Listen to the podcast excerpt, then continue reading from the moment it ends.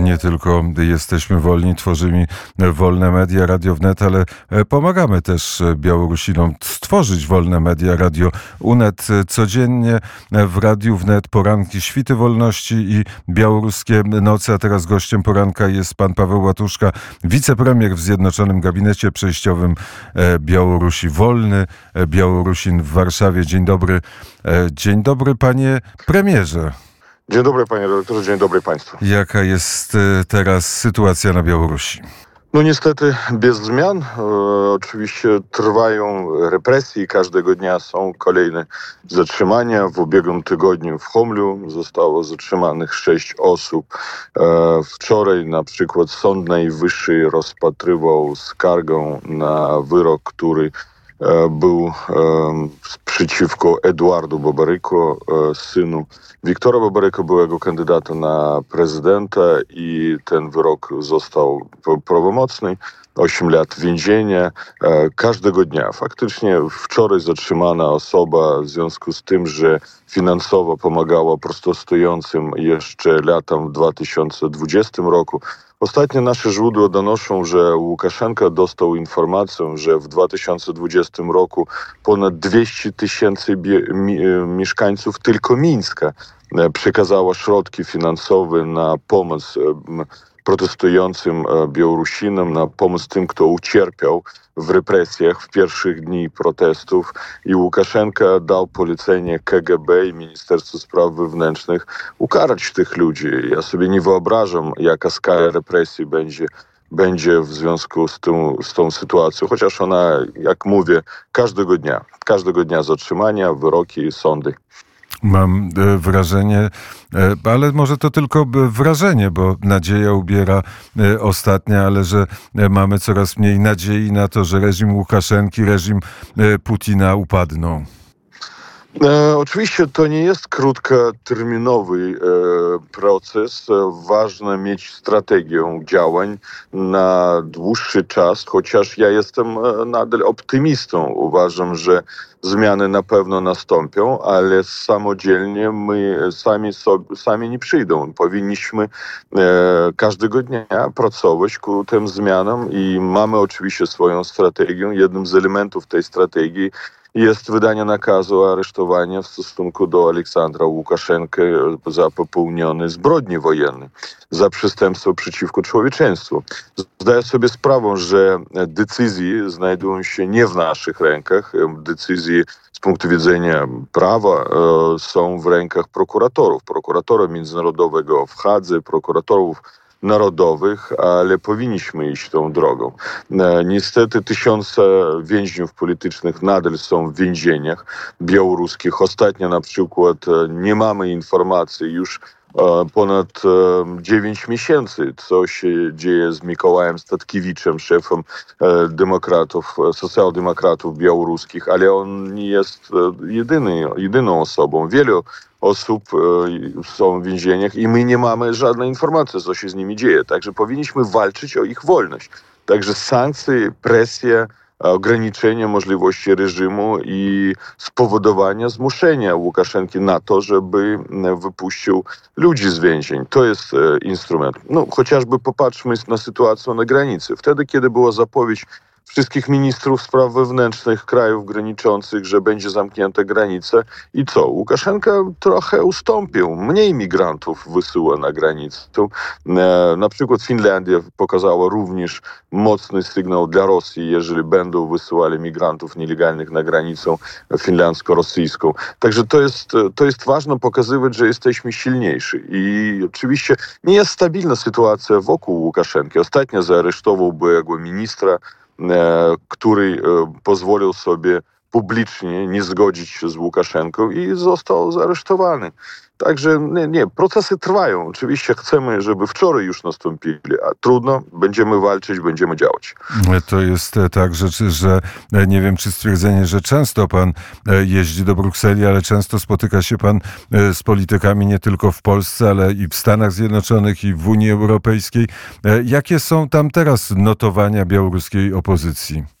W najbliższym czasie ma się odbyć e, dialog strategiczny ze Stanami Zjednoczonymi. Na zaproszenie e, State Department odbędzie się wizyta e, sił demokratycznych do Waszyngtonu i to pierwszy raz w historii naszych relacji demokratyczna Białoruś, a władze Stanów Zjednoczonych na szczeblu Departamentu Stanu, Kongresu Białego Domu będą prowadzili rozmowy z Zjednoczoną Opozycją Demokratyczną działającą, no niestety, za granicą. I opracowujemy oczywiście te kierunki współdziałań, ewentualnego wsparcia ze strony Stanów Zjednoczonych, co możemy zrobić, żeby dojść do demokratycznej Białorusi. 12, to będzie na początku grudnia. 12 grudnia odbędzie się już druga runda konsultacji, gruby konsultacyjnej stworzonej przez Komisją Europejską na czele z panem e, Borelem, na czele z panią Cichanowską po 15 osób i to jest już instytucjonalizacja naszych relacji z Komisją Europejską. Znów demokratyczna Białoruś, a Unia Europejska. Ważne, że jesteśmy jakby no, uznawani jako partnerzy do rozmów i opracowania wspólnych działań. Przed nami jest wyzwanie, że Rosja tak naprawdę okupuje Białoruś w niemilitarny sposób. E, trwa propaganda rosyjska, poszerza się propaganda rosyjska na Białorusi. Łukaszenka zakazuje e, poetów, pisarzy białoruskich, e, robi wszystko, żeby zniszczyć narodowość białoruską, tożsamość Białorusinów i tu dla nas jest bardzo ważne wsparcie przez wolne media, przez narracją e, narodowościową, narracją niepodległościową, że jesteśmy narodem, jesteśmy państwem, chcemy być, żyć w perspektywie wolnej Europy.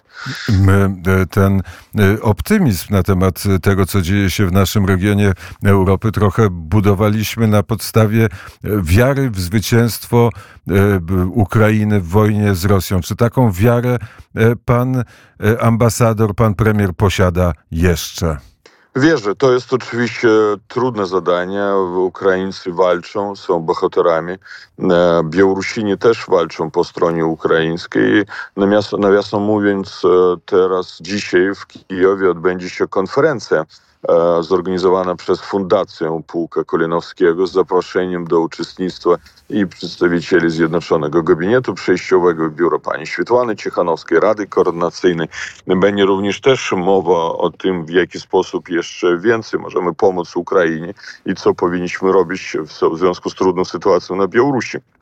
Ciężko, trudno, ale czy mamy wybór? Nie, nie mamy. To jest nasz e, okres historyczny, to jest nasz czas walczyć e, w takich ciężkich warunkach i powinniśmy dać radę.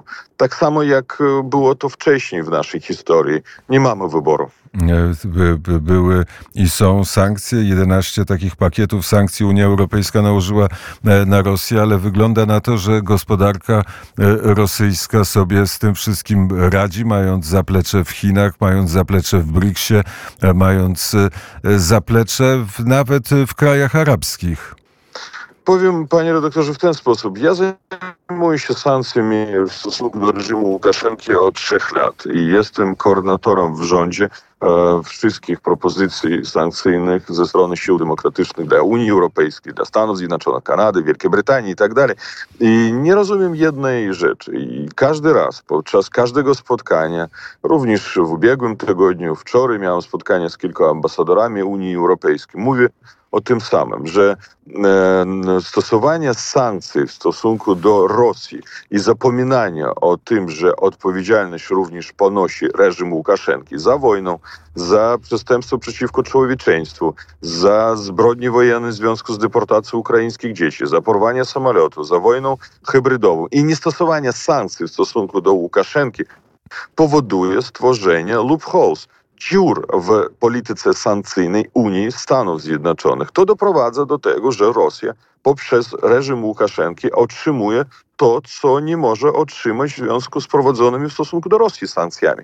Ja nie mogę zrozumieć, dlaczego nikt w Brukseli nie może e, po prostu przyjąć tą, tą analizą i stosować te same sankcje. Ostatnio na przykład dyskusja o wprowadzeniu sankcji na diamenty rosyjskie, 12, 12 pakiet sankcyjny. Planuje się wprowadzić te sankcje w stosunku do Rosji, a zapomina się o Białorusi. A Łukaszenko w ubiegłym tygodniu odwiedził w Homlu zakład Krystal, który zajmuje się właśnie produkcją diamentów. No popro, proszę, to jest będzie droga obejście tych sankcji. I tak, takich przykładów niestety mamy setki, jeżeli nie tysiące. I jak reagują na to pana rozmówcy? Kiwają głową, machają głową, ale, ale nie, nie, nie dają jednoznacznej odpowiedzi. No ktoś może powiedzieć, że stosowanie sankcji w stosunku do reżimu Łukaszenki doprowadza w, w, w większe szanse wchłonięcia Białorusi przez Rosję. No po pierwsze, przede wszystkim Łukaszenka prowadzi taką politykę uzależnienia od Rosji i on doprowadził do takiej tragicznej sytuacji. Po drugie, Łukaszenka też jest takim chytrym gościem, który nie przejdzie tą linią czerwoną, żeby już być w pełnych objęciach Putina i w ostatnim momencie będzie, będzie prosił, będzie błagał i będzie błagał o pomoc Unii Europejskiej. Wtedy będzie nasz, nasz moment. Oczywiście nikt nie daje stuprocentowej gwarancji. Ja nie mogę dać takiej gwarancji. Ale jeżeli nie karać Łukaszenki za to, co robi, no wtedy powstaje pytanie również o sprawiedliwość, powstaje pytanie o motywację dla Białorusinów. Ponad trzech lat Łukaszenka e, morduje ludzi. Ile ludzi zostało zabitych? Umarło w więzieniach, umiera nadal.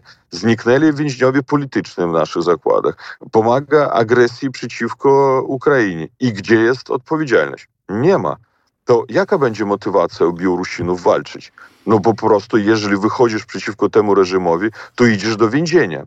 I czy jest sens iść do więzienia na 20-25 lat, jak wskazuje się ostatnio Białorusinów na Białorusi? Także tu jest test również nie tylko dla narodu białoruskiego, to jest test dla Unii Europejskiej, do naszych partnerów demokratycznych, czy są w stanie skorzystać ze wszystkich możliwości prawa międzynarodowego i ukarać reżim Łukaszenki, korzystając również z instrumentu sankcji. A jak relacje pana z polskimi władzami? Zawsze mamy bardzo dobre kontakty i komunikację i mówię tak, że podczas różnych spotkań mówimy o tym, że Polska, polskie społeczeństwo jest bardzo dobrym przykładem, w jaki sposób wykazuje solidarność dla Białorusinów, no, którzy niestety wyjeżdżają poza Białoruś i szukają miejsca do, do życia w związku z, to, z istnieniem totalitarnego systemu na Białorusi. Przede wszystkim wybierają Polską, również Litwą. To jest dwa kraje, do których najwięcej wyjeżdża Białorusinów. Według szacunków różnych ponad 200 tysięcy Białorusinów już mieszka w Polsce. To też ważne zauważyć, ważne o tym pamiętać. E, Białorusini też stworzyli wielu podmiotów gospodarczych. No, ostatnie dane polskie e, statystyka podaje, że około 7 tysięcy podmiotów gospodarczych z kapitałem białoruskim istnieje w Polsce. Oczywiście małych, większych, mniejszych, średnich. E, ponad miliard euro dochodów dostali te firmy w Polsce. To znaczy, że płacą podatki, że są, no jakby, nie jesteśmy to jakby e, tymi, którzy proszą tylko o pomoc. My już płacimy tu podatki. To też bardzo wa ważne moim zdaniem wiedzieć.